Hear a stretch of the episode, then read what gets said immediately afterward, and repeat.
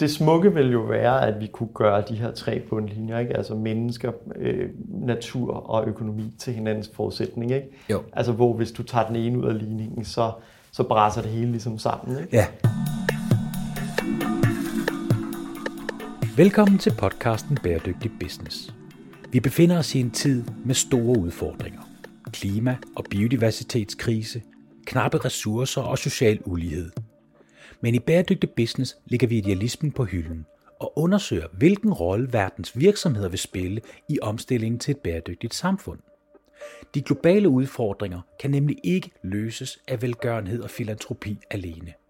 Hvis vi skal afværge den nuværende kurs mod katastrofe, så skal vi lave bæredygtighed til sund forretning. Mit navn er Steffen Max Jeg er forfatter og foredragsholder og har arbejdet med bæredygtighed de sidste 10 år. Jeg taler med førende eksperter og undersøger, om der er penge i at tage et socialt og miljømæssigt ansvar. Hej Anders. Hej Steffen. Øhm, Anders, jeg har jo glædet mig rigtig meget til at tale med dig.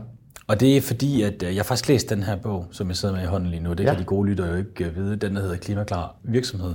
Og den, øh, den overholder jo det, den siger i titlen, må man sige. Det er nok den mest omfattende bog, jeg har læst omkring klima. Jamen virkelig sådan udførligt, hvordan går du til det, hvis du er en virksomhed, der gerne vil arbejde med klima. Mm.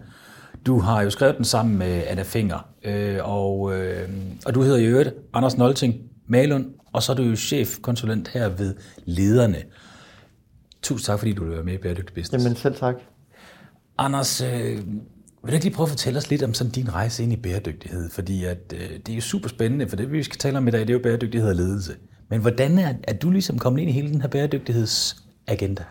Ah, det er et rigtig godt spørgsmål. Jeg tror simpelthen bare, det er et spørgsmål om, at jeg, jeg kan mærke ind i mig selv, der, der skal gøres noget her.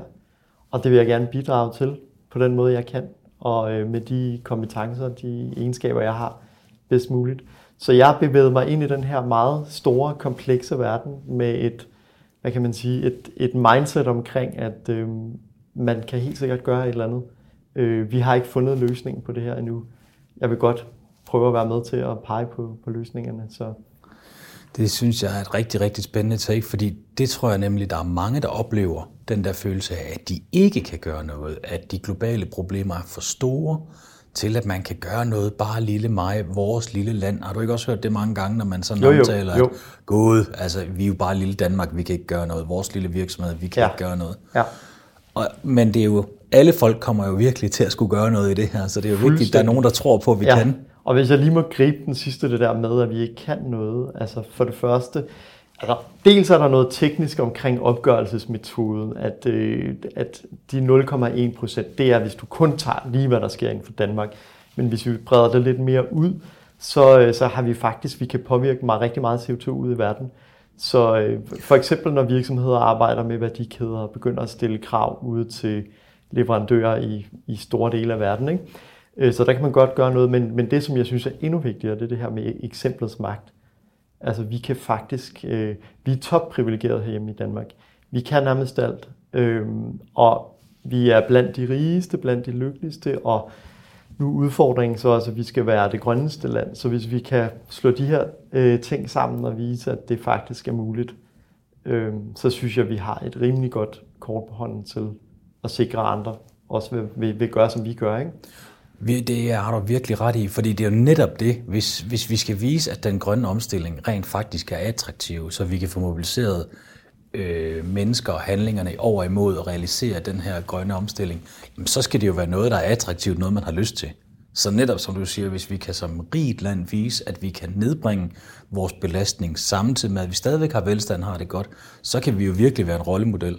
Jamen, så skal resten af verden da nok komme med, ikke? Altså, ja. Så og så er der vel også noget etik omkring det der med, at vi rent faktisk er et af de lande i verden, som har mest, som vi, eller mest CO2 på samvittigheden per borger. Præcis. Så det kan godt være, at vi er små, men det ændrer nok ikke på, det fritager os ikke helt for ansvar. På ingen måde, på ingen måde. Altså en, en gennemsnitsdansker udleder måske, hvad der svarer til 20 inder eller sådan et eller andet i den størrelsesorden. Ikke? Så. Ja.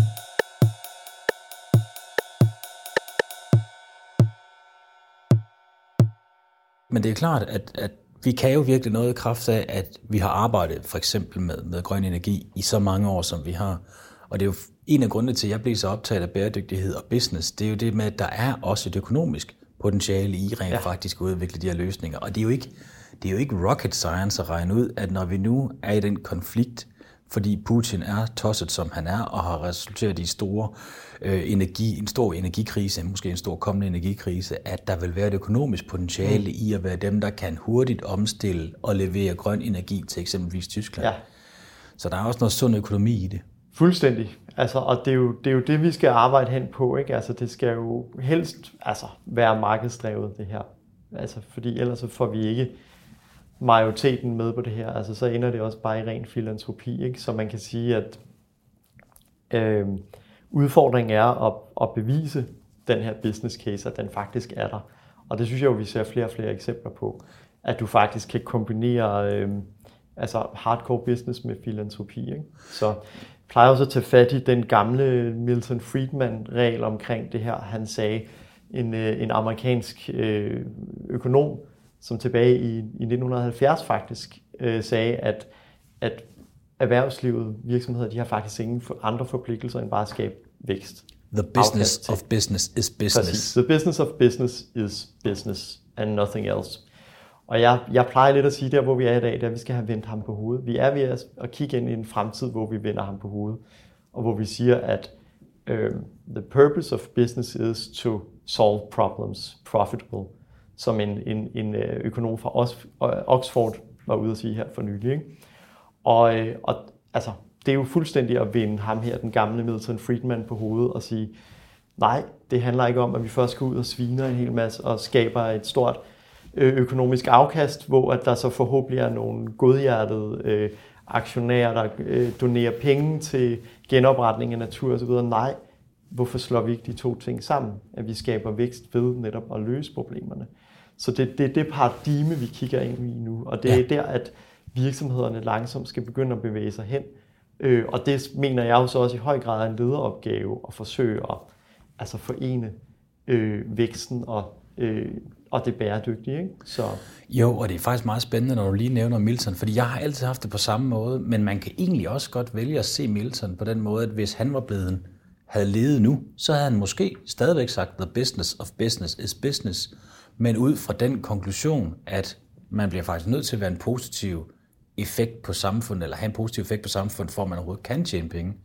Så en virksomheds mulighed for at tjene penge er egentlig afhængig af, at, at man ikke bare tager uden ja. at give tilbage. Ja.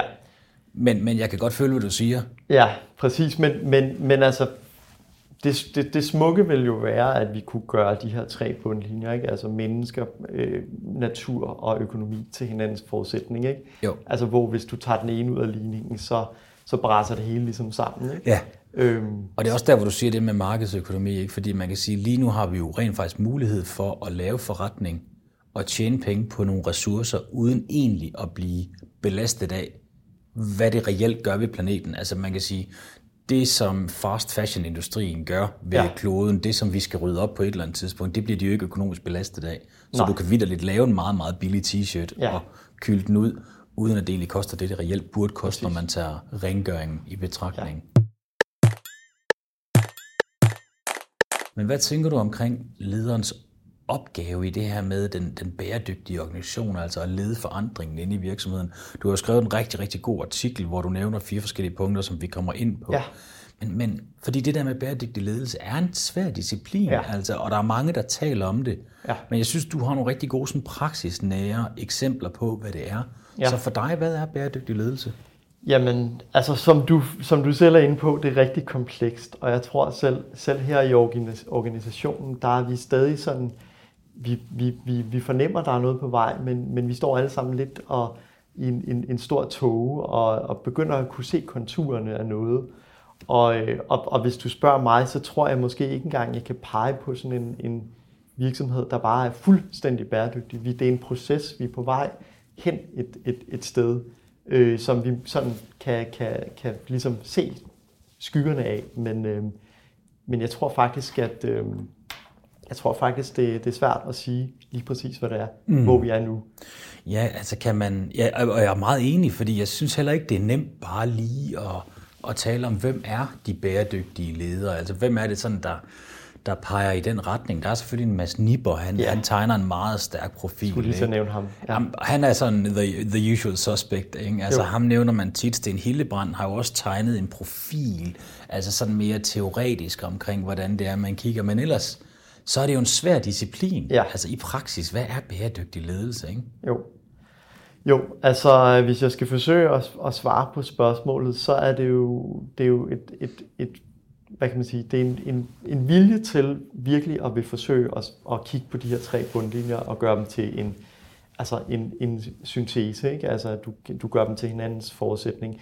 Så det er en vilje til, at man gerne vil gå den vej, og at man er indstillet på, det er en proces, og det kræver en, en organisationsændring, det kræver måske en helt ny måde at forstå dit produkt på.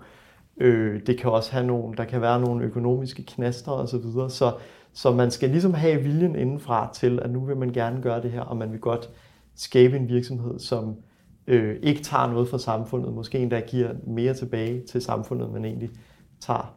Øh, og der er selvfølgelig der er rigtig mange sådan, øh, redskaber, som man kan læne sig op af, for eksempel ESG-regnskabet, som der jo er ved at ske en mindre eksplosion indenfor, ikke? Altså at man begynder... Lunden er i hvert fald tændt. Ja, det må man sige. Det ja. må man sige, at øh, der er en, en, en bred erkendelse om, omkring, at, øh, at, at det skal man begynde at kigge på som virksomhed. Ja, og til folk, der sådan, måske hvis de ikke lige kender til ESG-regnskaber, så er det jo Environment, Social and Governance, så der kommer det her nye direktiv fra EU, som hedder Corporate Sustainability Reporting Directive, som kommer til at definere meget tydeligt, ja. hvad det er, vi skal rapportere på. Og det skal vi tale om i en anden episode. Ja. Men, men der er helt klart noget i gang her, for så er vi jo begyndt i vores regnskaber at begynde at putte tal på vores miljøbelastning og vores samfundsbelastning. Ja. Og det er jo spændende. Ja, så du kan på helt lignende vis, som du har altså arbejdet med de finansielle nøgletal, så kan du altså kvantificere og måle, øh, få måle, kvantificerbare målepunkter inden for altså alle de her bæredygtighedsparametre. Så det er jo et eller andet sted ret groundbreaking, at, øh, at, at vi kan få nogle tal på. For det har vi altså manglet i rigtig, rigtig mange år. Ikke? Øh, så, så som leder kan man jo i hvert fald, øh, hvis man skal være lidt kontant og lidt kynisk, kan man jo også tale om altså bæredygtig ledelse som, som indsatser, der, der ligesom understøtter eller skaber fremdrift inden for, for de her ESG-tal. Altså så, så, så du siger, okay, vi vil godt have bedre tal på for eksempel klima, eller vi vil godt bruge mindre vand, vi vil godt have større diversitet og mere inklusion, færre stress, og sygedage for eksempel blandt medarbejderne. Ikke? Så de indsatser, du så ligesom arbejder på der for at få nogle bedre tal, det kunne man godt tale om som bæredygtig ledelse. Men jeg tror måske, der skal mere til. Altså vi skal også kigge mere ind af og øh, forstå øh, måske de større samfundsudviklinger. Hvad er det for et samfund, vi er på vej hen imod, og hvad er det for nogle, øh, hvad er det for nogle krav, man, man vil blive mødt med også som leder. Ikke? Der kan man jo sige, der er governance jo et rigtig godt eksempel, sådan lige nu, hvor vi står, ja. for der må helt sikkert være mange ledere øh, i, i meget store virksomheder, som har forretning i, i Rusland, som lige nu mærker de helt hårde konsekvenser af, at jamen, vi står i en verden, hvor der bliver stillet krav til dig fra den ene dag til den anden. Altså det er jo på fem uger, at Carlsberg har mistet altså muligvis 20 milliarder kroner. Ja. Øh, altså det, det, er jo, det, er jo, det er jo relativt stor ændring på kort tid. Ja. Netop, og det, det er vel det der med, at man som leder skal navigere i en, i en hurtig og skiftelig verden. Det kræver vel også noget, som vi ikke er vant til. Ja, Jamen det kræver, altså det kræver sådan en udvidet kompetencesæt, kunne man næsten tale om, ikke? hvor det i gamle dage måske bare var øh, funktionærlederen, der mødte ind og øh, øh, kiggede på, på dagens tal og øh, var ude med pisken en gang imellem og ja, skulle, ja. skulle skaffe noget, noget, noget, en, en flot bundlinje. Ikke? Altså det, det, er slet ikke, altså det er jo slet ikke nok bare at kunne, øh, kunne skabe den her vækst. Altså dit øh, etiske kompas skal være uhyre fint indstillet, ikke? og du skal forstå det geopolitiske landskab, du skal sætte dig ind i kompleks lovgivning fra, øh, fra EU og fra andre dele af verden. Ikke? Så der er vi faktisk lidt inde på det første punkt, der jeg, øh, jeg nævner den artikel, der du refererer til, øh, omkring den første kompetence som, som leder. Det er altså dels skal du have basal viden omkring det her. Øh, Connie Hedegaard, hun plejer at sige, at for at være en dannet leder eller et dannet menneske, så skal du altså vide noget om verdensmålene, om, om bæredygtighed osv. Ikke? Men, det, men det skal du brede ud til alt muligt mere også. Ikke? Altså alt det her, jeg er inde på. Øh, du skal have en meget bredere samfundsforståelse. Øh, netop, netop også af strategiske hensyn. Ikke? Altså hvad er der på vej ud i verden, som måske kan, kan ramme forretningen. Øh, så Klart. Og, og sådan et meget jordnært eksempel kan jo være, at hvis man har en, en produktion af avocado eksempelvis, og man har en fabrik i Kalifornien, jamen altså, så, så kommer man til ledelsesmæssigt skulle forholde sig til, at der kan være tørke, der kan være vandmangel, og så måske skal man ikke producere nogle ting, som tager rigtig, rigtig meget vand i nogle områder, hvor det er svært at skaffe vandressourcer til. Det kan rent faktisk godt give dig nogle problemer ja. i medierne, og dermed så kommer man jo ind i en helt ny virkelighed, hvor man skal forholde sig til, hvordan verden også ændrer sig ja. i forhold til sin forretning. Præcis, præcis. Ja, jeg er fuldstændig enig. Altså, og det, altså, der er jo så nogle ledere her, der måske vil, vil vælge at tage skyklapperne på og tænke, det, det kan ikke overskue det her. Men, øh, men der er nok ikke nogen vej udenom, at man, øh, man skal tilbage på skolebænken, og man skal måske på skolebænken hver eneste dag, hver eneste morgen, når man, ja, Ja, så det der livslang læring er faktisk... Det, Fuldstændig. Det er helt basalt, ja, når vi og det er hele organisationen. Ja. ja. Også i forhold til, øh, hvad findes der teknologiske løsninger, ikke? Altså, og det er også et af dine punkter, ikke? Det her med at være lidt datadrevet. At, ja, man ikke putte det teknologien det ind under punkt, det? Ikke? Det er det her med, at øh, det har vi jo allerede været, været inde på, at, øh, at vi skal jo til at kvantificere vores bæredygtighedsindsatser. Med ESG-rapportering og så videre. Med rapportering. Netop også fordi, altså, en ting er selvfølgelig, at du skal, der er nogle lovkrav, du bliver måske mødt med nogle lovkrav, eller du bliver mødt med nogle krav for, øh, for din øh, B2B-kunde om at skulle levere noget data. Men, øh, men det er jo også, hvad kan man sige, det er jo også et, et dit ESG-regnskab er jo, jeg plejer lidt at sige, det er din personlighedstest, ikke? altså som virksomhed, i forhold til, hvor bæredygtig du er.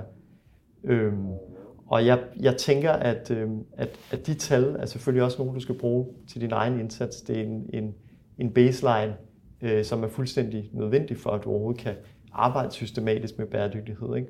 Så på den måde er data fuldstændig afgørende også for, øh, altså for overhovedet at kunne, kunne arbejde med, med bæredygtighed. Ja, fordi det, det handler jo noget om, at når man så som leder øh, tager nogle beslutninger, så skal man hele tiden tænke i, jamen det er klart, at vi har en strategi om, at vi skal øh, ind og tjene penge på de her områder, uden at belaste så så meget her, og derfor skal vi vise, at vores indsats den har en mindre belastning, eksempelvis på vand eller på affald. Ja. Og det kræver en dataforståelse at tænke det sammen. At man på en eller anden måde skal kunne tracke, at man har nogle positive ja. resultater, som skal kunne måles inden for eksempelvis affald, miljø øh, eller ja. hvad det kunne være. Ikke? Præcis. Og så skal du ligesom også holde dem op med de økonomiske KPI'er, ikke? Altså, og det er jo der, det smukke så kan opstå, at du kan begynde at kunne se en, en sammenhæng mellem de to ting, ikke? Jo, for så binder man bundlinjerne sammen, ikke? Ja, Når man så kigger, vi tjener så og så meget, men vi har egentlig også sparet så og så meget affald. Ja. Og det samlet set er en ny måde at tale ja, om tingene på, præcis. ikke? Jo. Også i forhold til det med data, så, øhm, så altså, vi er jo en, lever jo så heldigvis i en tid, hvor at øh, at vi ikke længere smider bæredygtighed ned til kommunikationsafdelingen, som kan skrive nogle, nogle eventyr omkring, hvor gode man er, men altså at vi Nogen gør stadigvæk, vil jeg sige. Nogen gør det nok stadigvæk. det har du nok desværre ret i. Ja. Men altså at, at, øh, at, at for at kunne, kunne kommunikere troværdigt omkring din virksomhed, øh, så har du altså brug for den her data også. Ikke? Altså forbrugerombudsmanden øh, har lige udgivet en, en guide til grøn markedsføring, hvor at øh, et af kravene er, at du skal lave en, en øh, nærmest lave en komplet livscyklusanalyse af dit produkt, før du kan komme med et øh, sådan generelt udsagn om, at det er bæredygtigt. Ikke? Så der skal simpelthen sådan datamæssig rygdækning for det nu. Ellers er det greenwashing. Øhm, og, og, og det er nemlig rigtig interessant, at man kan godt se, at nettet strammer mere og mere ind, ja. apropos det her med, at bæredygtighed er ikke længere bare sådan en black box, man bare kan, kan sige, og så slippe afsted med det hele. At det er faktisk en ret, øh, et ret seriøst kriterie. Det kan man ikke bare sige, at noget er grønt, eller at det er klimavenligt. Det kræver altså, at du kan dokumentere det. Ja. Men noget andet er vel også det her med, at man skal jo kunne dokumentere sine handlinger, ikke bare for, at man ikke får problemer i forhold til greenwashing, men også for at få troværdigheden, når man generelt kommunikerer. Ja. Og der synes jeg, at noget er rigtig interessant, det her med, at, at det er faktisk, nogle ting kan godt være lidt svære at dokumentere. Altså et, øh, et, et, et rigtig godt eksempel er øh, virksomheden, der hedder The Upcycle, som i bund og grund er en fantastisk forretningsmodel, der handler om, at, at produktionsvirksomheder, som har restmaterialer, ja. at de øh, tager det der restmateriale, og så sælger de det til andre virksomheder, som så kan bruge restmateriale, i stedet for at begynde at udvinde vagine materiale og, og bruge noget for nyt af super, super smart forretningsmodel. Det går rigtig godt for dem. Men det kan godt være svært at dokumentere, at det er restmaterialer. Ja. Og, og derfor oplever mange også, når det så er, at de skal ud og dokumentere noget, at der er nogle ting, som kan være svært at måle. Ja. Øh, ikke mindst hvis man er ude i scope 3 og skal til at måle på, på, øh, på sit klimaaftryk via leverandører og den slags ting. Og så, men man skal altid tilstræbe efter, at når man laver en eller anden form for handling, som er positiv i forhold til ens ESG-rapportering, at man også tænker i, hvordan er det så, at vi kan putte det ind i det her ESG-regnskab. Mm. Og nogle gange kan det jo godt være, at man bliver nødt til selv at lave noget dokumentation. Og det er klart, at det har jo ikke den samme troværdighed, som hvis man har noget tredjeparts certificeret. Nej. Og jeg tænker sådan helt konkret på, vi havde jo sådan et donationsnetværk i forbindelse med, da jeg var i, i Holmris, hvor alle de møbler, som vi ikke kunne, øh, som alle de brugte møbler, som vores kunder ikke længere kunne bruge der, solgte vi de bedste møblerne videre, men det vi ikke kunne sælge, det donerede vi væk til velgørenhed. Mm.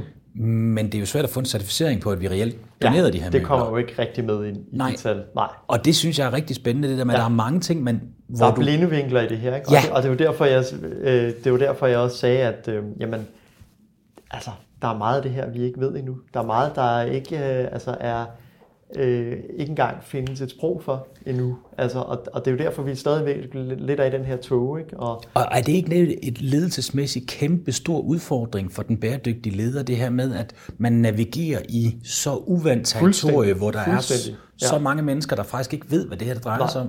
Jo, altså det, er, det må være enormt frustrerende altså for, for ledere derude, og man bliver mødt med alle mulige typer, nye typer dilemmaer også, ikke? Altså, hvor at, øh, hvad kan man sige, svaret på dilemmaet ikke nødvendigvis skal pege kun på en, en snæver økonomisk retning, men, men hvor det faktisk skal, skal, skal løse flere ting på samme tid. Ikke? Altså, øh, der skriver vi faktisk også øh, her i huset en, øh, et, et, et ledelsesdilemma en gang om måneden til, til børsen, hvor vi prøver at tage nogle af de her nye typer dilemmaer op.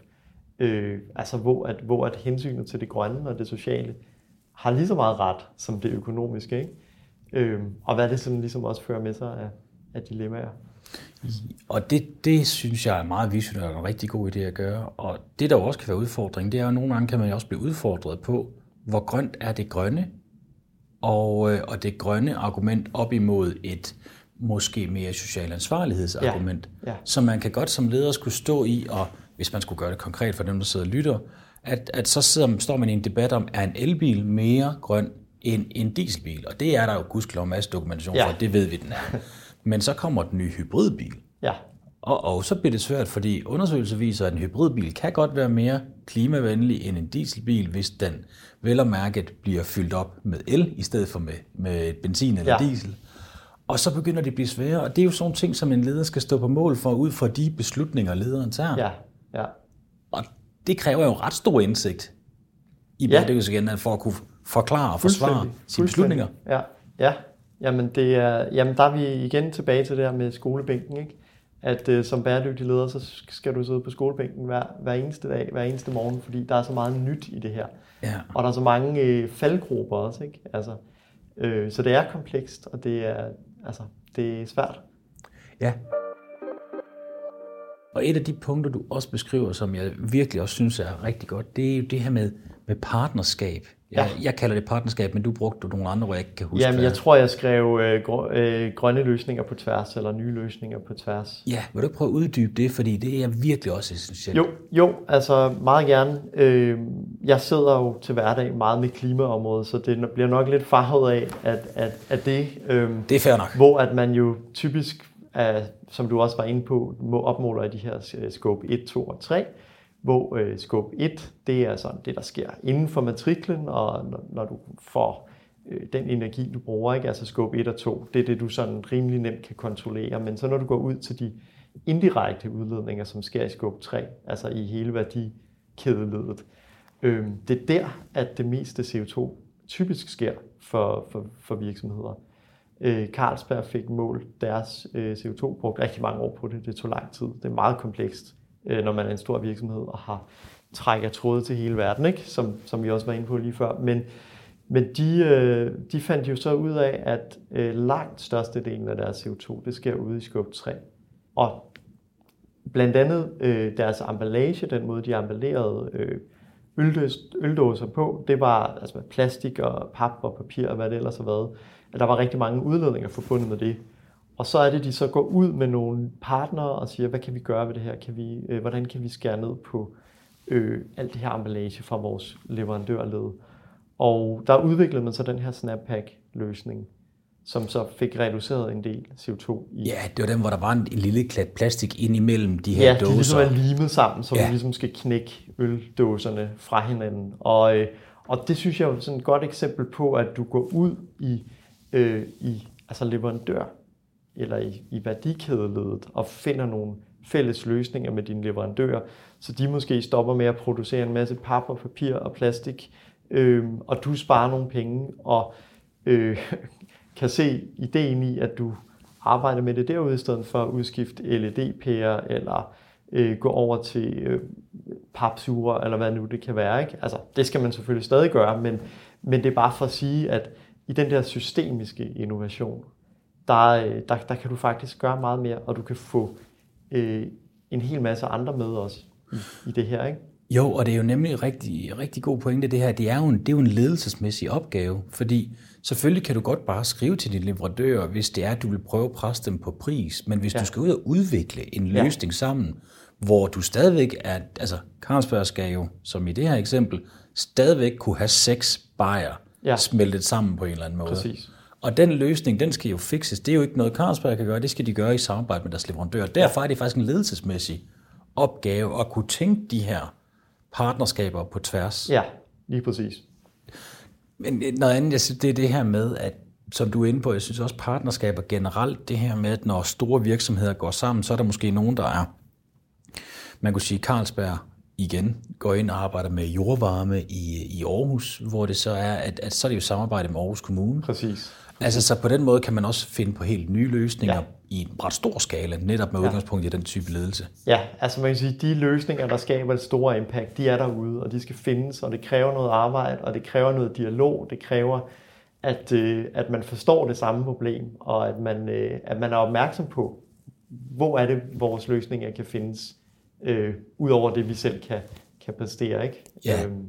ja, fordi problemerne bare er større, end hvad et land ja. en skole, en virksomhed, et kontinent kan løse. Man skal altså gå sammen. Fuldstændig, ikke? Ja, og der, der er vi så igen lidt tilbage til den her tog, at, øh, at problemerne er tit så store og så komplekse, at der er ikke én aktør, der sidder med løsningen på det her. Altså, der, det er ikke fordi politikerne forstår fuldt ud, hvad der skal gøres, og bare kan stille de perfekte lovgivningsrammer op. Øh, men det er heller ikke fordi erhvervslivet bare kan gøre det her fuldstændig alene. Øh, og civilsamfundet sidder inde med øh, deres øh, løsninger osv. Så, videre, Ikke? Så, så du kan ikke pege på en enkelt aktør, der bare kan løse det her med et, med et snuptag. Så det er noget med at forstå det her som en, et dybt komplekst og ind, altså, øh, meget, meget forbundet problemstilling også, ikke? Øh, hvor at, at, at løsningerne netop findes på tværs. Og, og det kræver virkelig, at man som, som leder ikke bare tænker i sin egen lille silo, tænker, at det vi producerer her, det er det her, og jeg skal sørge for at få min råvarer, og så skal jeg sørge for at få det produceret, og så skal jeg levere det til de her kunder. Man bliver nødt til i langt højere grad at tænke på, hvordan man passer ind i det helt store spil, mm. hvad man ellers skal samarbejde med. Ja. Jeg synes, det er rigtig interessant.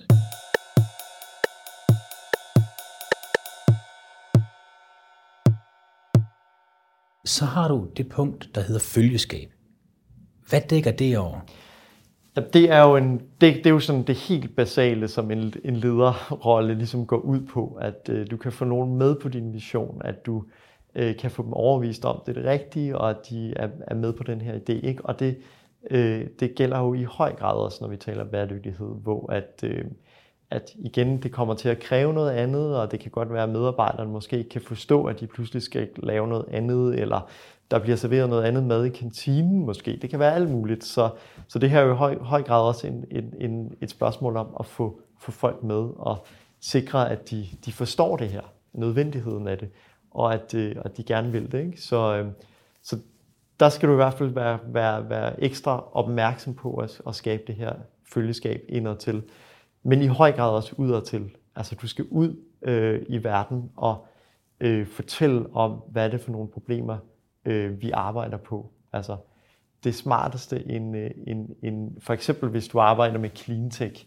det smarteste, du kan gøre der. Jeg talte med en, en leder fra, fra Jylland, som lavede nogle vandrensningsløsninger, og hun sagde, at hun var begyndt at skrive øh, indlæg omkring det her problem med forurening af vand. Øh, og det er, jo, det er jo skidesmart, hvis du så netop har løsningen, den kommercielle løsning til det her problem. Ikke? Øh, så det smarteste, du kan gøre, det er at pege på, at der er et problem, og så selvfølgelig sige, vi har så også udviklet løsningen på det her. Ikke? Ja, så, og, og så er vi selvfølgelig lidt mere over i den salgsmæssige side af det, ikke? Ja, jo. Men som stadigvæk er relevant. Øh, og et godt eksempel, men jeg synes virkelig også, det er et eksempel med det her med, at den interne følgeskab, eller følgeskab i en organisation, som jo er det, i bund og grund er det jo meget klassisk ledelse, kan du få folk med dig eller ej. Men der opstår bare igen dilemmaer, når det lige præcis er bæredygtighed, man taler om. Og der synes jeg, det eksempel, du nævner med, hvis man laver nogle forandringer i kantinen. Ja. Altså, alle, der har sådan været i lidt større organisationer, eller måske helt ned til meget små organisationer for den sags skyld, der ved man godt, at kantinen og det der med mad og frokost, det er, det er virkelig helt... noget, der betyder for rigtig meget for mange. Ja. Så laver man store udskiftninger, eksempelvis, det er faktisk en case, vi bruger i bogen, øh, som er Bæredygtig Business, jeg skrev med Simon, hvis man så lige pludselig skifter det hele om til vegetarisk køkken, ja. det kan give nogle kæmpe store problemer. Fuldstændig. Og det kræver altså en vis portion ledelse lige at stille sig op og ikke sige, det er det her, vi gør, men at forklare, vi har gjort det af de og de årsager, og binde det sammen med, at vores overordnede strategi er, ja. at vi vil reducere. Og det gør vi, fordi at det gør os konkurrencedygtige på vores bæredygtighedsprofil, som sikrer vores arbejdspladser, og det er i øvrigt også sundere for jer lige en gang imellem at prøve at få lidt uden kød og så videre. Det kræver noget at forklare de her ting ja. til organisationer og få dem med. Præcis, præcis. Og, det, og det, det er derfor, det er så essentielt med følgeskabet, ikke? At, øh, altså, ja, det er det virkelig. Ja, altså i gamle dage, der, øh, altså ikke for at, at karikere det alt for meget, men, men der var det jo ofte noget med, at man tog på arbejde, fordi man skulle hjem med en, en fed løncheck. Og, øh, det var i hvert fald og, meget meningsfuldt at få sin ja, løn, fordi det var, det, det var ligesom var der, det meningsfulde lå øh, en gang. Ikke? Og, øh, og der kan man sige, der behøvede man måske ikke at engagere sig meget i virksomhedens værdisæt, og hvad den stod for, og hvad dens rolle i samfundet var, og så videre, og så videre. Men, øh, men, men det, det, det stod du bare på i dag som medarbejder, at du skal, du skal ligesom også være, hvad kan man sige, værdikriger, altså at være, være den, der er, er med til at, at udbrede de værdier, som virksomheden står for. Ikke? Og særligt i de her tider, og det bliver i øvrigt ikke mindre, fordi jo mere medarbejderne begynder at gå op i de klimaproblemer, vi står overfor, men også den biodiversitetskrise, vi står ja. overfor, jo mere bliver du nødt til som leder også at vise, at det her det er vigtigt. Ja. Øh, for at du ligesom har den relation med dine medarbejdere. Og der opstår jo igen dilemmaer, fordi ja. når man sådan kigger overall på de her undersøgelser, der bliver lavet omkring særligt danskere, omkring øh, deres indstilling til bæredygtighed, jamen så bliver der flere og flere, der går op i det og synes, det er vigtigt. Men der er altså også nogen, som er ligeglade. Ja. Så man kan sige, som leder skal man også fagne, altså både dem, der vil have en selleribøf, og dem, der ikke vil af med deres hakkebøf. Ja. Ja. For at bruge uh, kantine-eksemplet igen. Ja. Men, men de punkter her, du har nævnt, synes jeg var rigtig gode. Og så lige da jeg kom ind her på øh, det her fine kontor, hvor vi skulle optage podcasten, så spurgte jeg dig lidt ind til det, og det kan lytterne, jeg ved lytterne ikke, for der havde vi ikke tændt mic'en endnu, så sagde du, jeg har faktisk fundet på endnu et punkt. Og der vil jeg lige sige, det havde jeg også ja. tænkt på. Det er jo nemt for mig at komme og sige efterfølgende, vil jeg så sige. Men vil du ikke prøve at uddybe det, det her med, at, at hvad skal langsigtet i jo, sin? Jo, jo. Altså, øhm, jo, langsigtet tænkning. Øhm, det at kunne, altså det, det dækker i virkeligheden over mange ting. Dels handler det om at kunne igen se, hvor, hvor er samfundet på vej hen. Øhm, altså, hvad sker der i 2030? Hvad, hvad, hvad den lovgivning, der ligesom er ved at blive udrullet stille og roligt, hvad er det, hvor er det, den vil presse os hen imod? Både i 2030 eller 2050, øh, og forstå, hvad er det, hvordan ser verden ud til den tid, ikke? og hvilke, hvilke krav vil det medføre? Øhm, jeg, jeg var faktisk med til at lave en undersøgelse for nogle år siden, øh, hvor vi undersøgte, vi sammenlignede amerikanske og japanske virksomheder øh, i forhold til, øh, hvor, hvor langsigtede, langsigtede strategier de havde. Og det viser, at der var en overvægt af japanske virksomheder, der faktisk havde 20-50 strategier, og faktisk nogle endda endnu længere frem end det. Så den der langsigtede tænkning, den er bare meget mere sådan hvad kan man sige, indlejret i, i, i den japanske kultur. Og øh, det forklarer måske også, hvorfor en af de ældste virksomheder i verden, eller faktisk den, der har æren af verdens ældste virksomhed, findes i Japan. Jeg tror, den er fra år 578 Nej, eller sådan noget andet, og lige nu kører den med 36. generation eller et eller andet. Øhm, så, så det er også lidt, måske lidt kulturel ting, at, øh, at have det her rigtig, rigtig lange lys på. Ja. Øhm, så, så ligesom forstå de store, sam, den store, de store samfundsudviklinger. Øhm. Og det, det tror jeg altså virkelig er en rigtig god pointe, fordi selvfølgelig er det imponerende, at en virksomhed over så lang tid har kunne øh, skifte, øh, skulle holde det i familien, om man vil. Men, men vi bevæger os bare ind i en anden tidsalder lige nu, hvor det er, at vi har altid taget for givet, at der var ressourcer nok. Ja. At vi kunne producere, som vi ville. Dem, der kunne producere mest effektivt, det var dem, der vandt. Ja. Men vi står nu på en, og kigger på tingene lidt anderledes, fordi ja. nu bliver vi faktisk begrænset af nogle planetære grænser, som gør, at vi skal til at tænke lidt, hvordan er det verden, den ændrer sig, for den ændrer sig ret hurtigt. Det betyder, som eksempelvis før, at, at du kan komme til at have en produktion et sted, hvor der er vandmangel. Du mm. kan komme til at, øh, at have et marked, hvor det er, at du ikke kan sælge dine produkter længere, fordi at der er stormfloder, der, der simpelthen gør det umuligt at have forretningen der. Ja. Eller at dit kundegrundlag forsvinder på grund af klimaflygtning, eller hvad pokker det kan være. Så man skal virkelig begynde at kunne tænke lidt mere langsigtet. Ja, faktisk det er sjovt, du nævner det her. Øhm, eller jeg ved ikke, om det er sjovt lige øhm, for det er faktisk ret skræmmende, men, øh, men IPCC udgav den her store øh, naturvidenskabelige rapport tilbage i august sidste år, der ligesom tog, øh, tog temperaturen bogstaveligt, bogstaveligt talt, ja. på kloden. Øh, og, og noget af det, man også havde med i den her rapport for første gang, det var sådan regionale øh, kort, altså øh, hvor du kunne gå ind og se, følge udviklingen, den forventede udvikling inden for en masse forskellige regioner, øh, både i forhold til nedbør, i forhold til tørke osv. Og, og det er, jo, det er jo noget, man skal forholde sig til som virksomhed, hvis man kigger 10, 20, 30, 40 år frem i tiden, og stadig forventer måske at øh, arbejde med den del af verden, eller måske har man fabrikker, eller hvad det nu kan være, ikke? produktion i de dele af verden. Så, øh, så sådan nogle ting skal man jo simpelthen øh, holde sig for, for øje, at, øh, at det er den vej, det går. Øh, ja. og, og være forberedt på det også. Ikke? Altså. Jo, helt enig.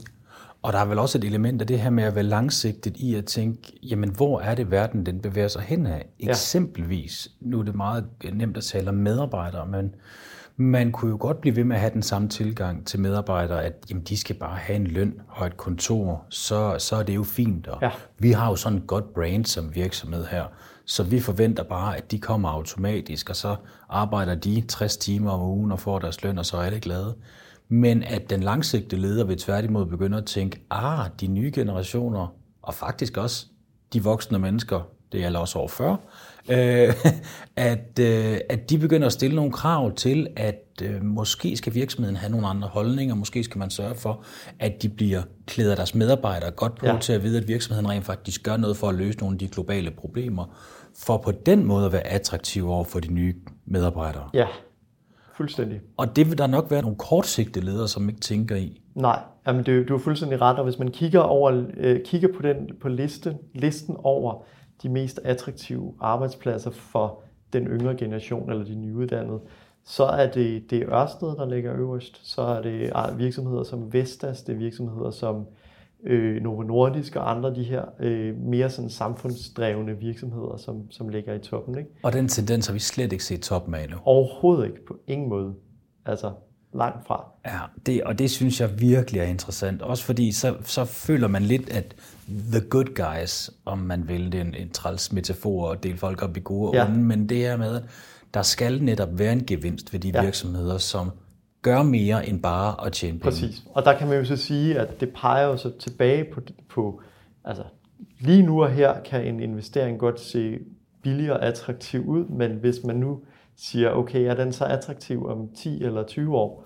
Øh, det kan være en investering i et eller andet øh, teknologi, som er klimaskadeligt, men måske virker ret øh, attraktivt økonomisk set nu og her. Så skal man altså lige fremskrive til, altså, hvor står du som virksomhed, hvis du er afhængig af en, en, en klimaskadelig teknologi her.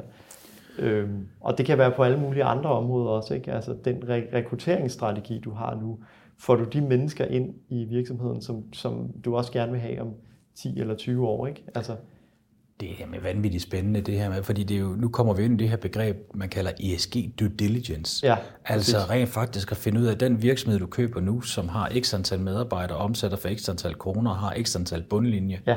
hvordan ser deres marked ud om 2, 3, 4, 5, ja. 10 år? Fordi det kan sagtens være, lad os antage, at de sælger nogle maskiner til kødproduktion eller whatever. Jamen, vi kan jo bare se, at danskere, der køber altså mindre og mindre kød. Mm. Så det er jo klart, at hvis man fremskriver det, ja. så er deres forretning ikke lige så meget værd. Nej.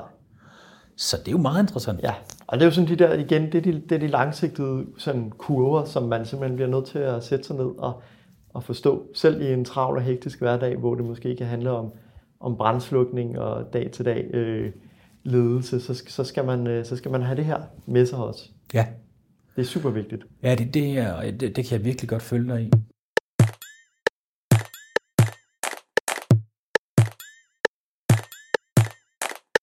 Jeg synes, det er utroligt spændende, det her med, øh, med dilemmaer.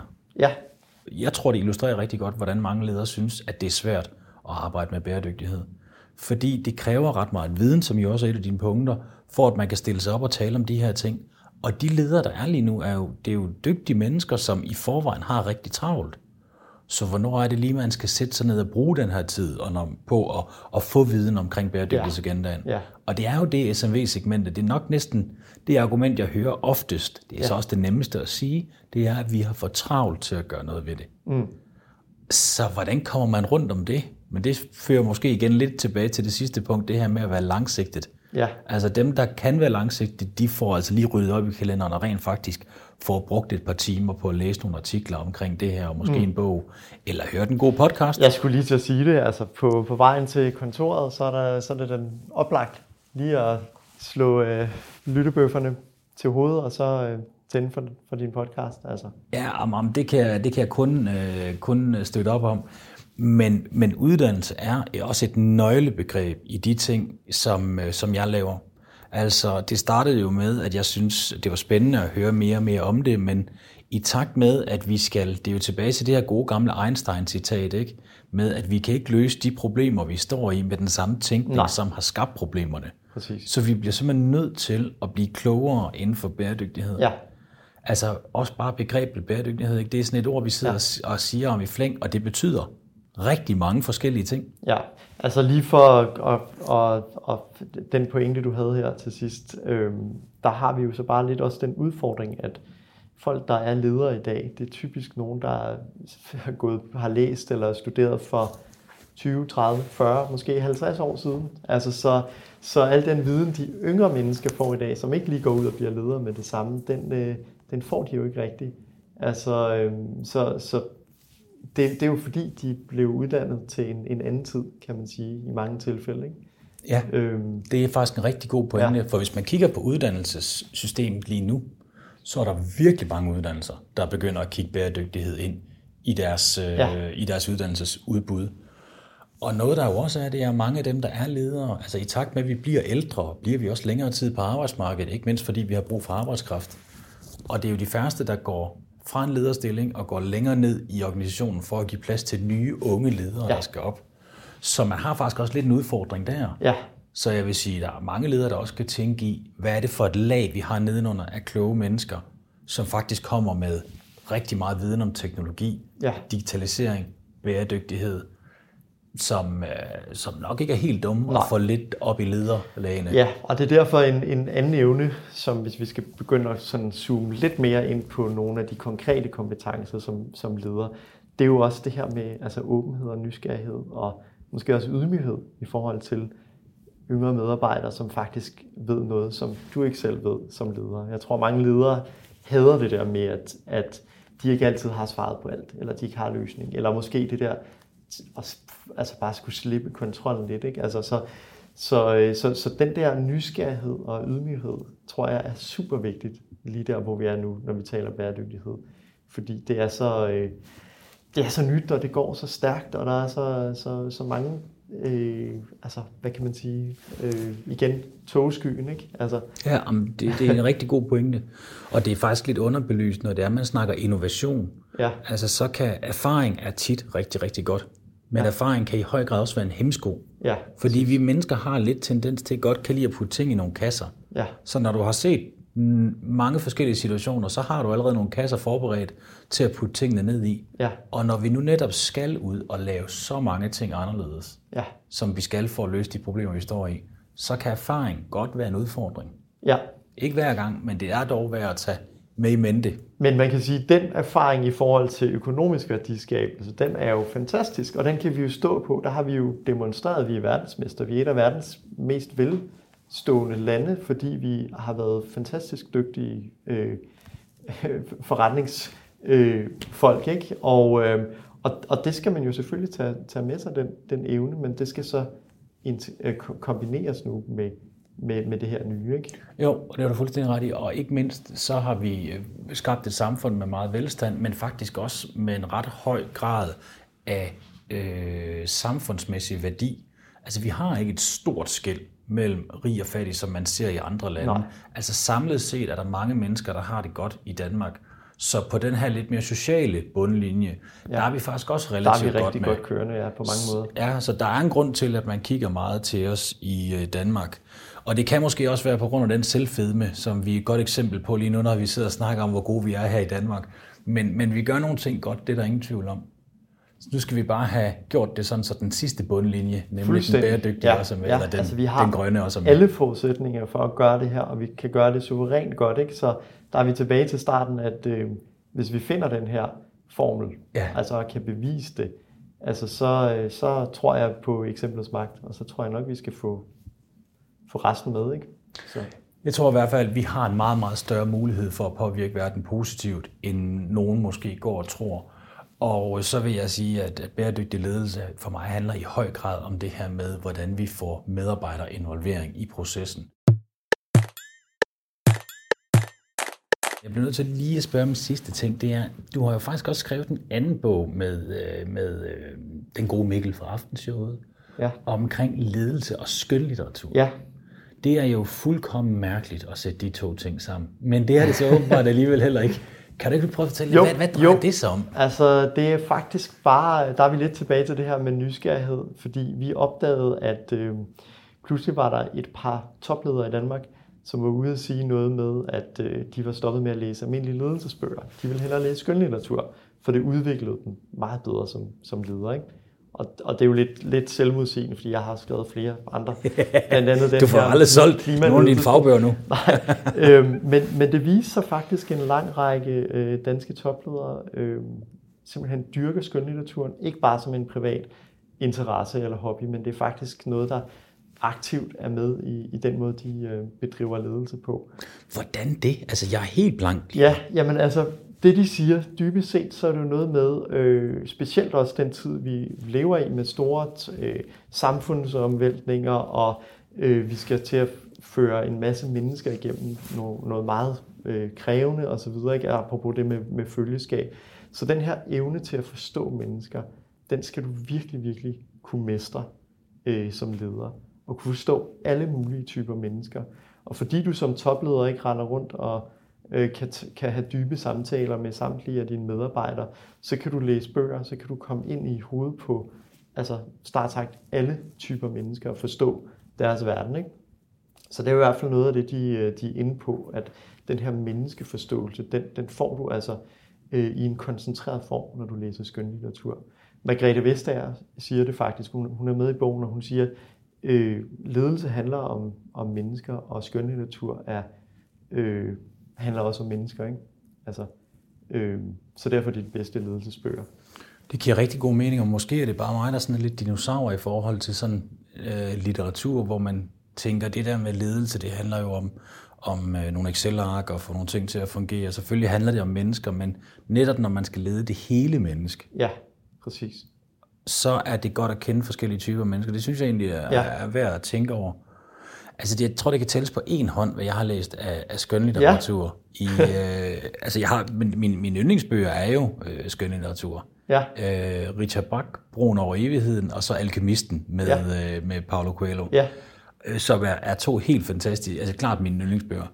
Men ellers så læser jeg jo faktisk kun faglitteratur. Ja, altså jeg har også været, efter, altså jeg vil sige, det, det har jeg også været rigtig slemt til. Altid at prioritere faglitteraturen først. Det lå altid øverst i min øh, bunke af bøger, men, men efter at have talt med de her mennesker, så blev jeg simpelthen så øh, altså, opslugt af det her, at nu måtte jeg bytte om på, på bunken, ikke? så det faktisk var skønlitteraturen, der lå øverst. Og det er jo, det er jo helt fantastisk også at læse det øh, ud fra, fra den forståelse, øh, de her ledere har, har, har givet mig. Ikke? Altså det, giver, det giver totalt god mening. Øh, men det er også i forhold til øh, sproglighed, altså at du kan gøre dit eget sprog mere personligt, og du ikke bruger alle de floskler, som, som medarbejderne efterhånden ikke overgår at høre igen og igen. Øh, det handler også om øh, sådan noget som tvivl og forstå din magt og ja, i det hele taget også forstå, hvad der sker i samfundet. Der kan du læse en masse yngre forfattere, som netop også meget fint øh, beskriver den verden, altså hvordan de ser på verden. Ikke? Det er jo så den yngre generation af medarbejdere, som du også skal, skal kunne forstå, hvad er det for et øh, værdisæt, og hvad er det for en, hvordan ser de egentlig på verden. Ikke? Det kan du læse om der. Kan du forstå dine yngre medarbejdere meget bedre. Og det passer jo faktisk rigtig godt ind i nogle af de ledelsesråd, du har i artiklen. Det her med øh, dels at være nysgerrig, men også at være langsigtet. Ikke nødvendigvis tænke kortsigtet i, hvad er den nyeste bog om, om det her inden for, for, ledelses, øh, for ledelsesdisciplinen. Ja. Men hvad er det mere, det handler om på den lange bane for mennesket? Fordi det er trods alt det, det hele arbejde, ja. det handler om. Præcis. Præcis. Ja. Det er stof til efterstanke. Anders, det har været så spændende at tale med dig. Tusind tak, fordi du vil være med i Bæredygtig Business. Selv tak. En fornøjelse. Du har lyttet til Bæredygtig Business. Mit navn er Steffen Marksø, og du er meget velkommen til at finde mig på LinkedIn, hvis du har idéer til emner, jeg skal tage op i podcasten. Ros og ris er også meget velkommen. Husk i øvrigt at abonnere på podcasten i din podcast-app, så får du automatisk besked, når der er nye episoder. Og hvis du giver os en god anmeldelse, så hjælper du med at sprede budskabet om bæredygtig business. Tak fordi du lyttede med.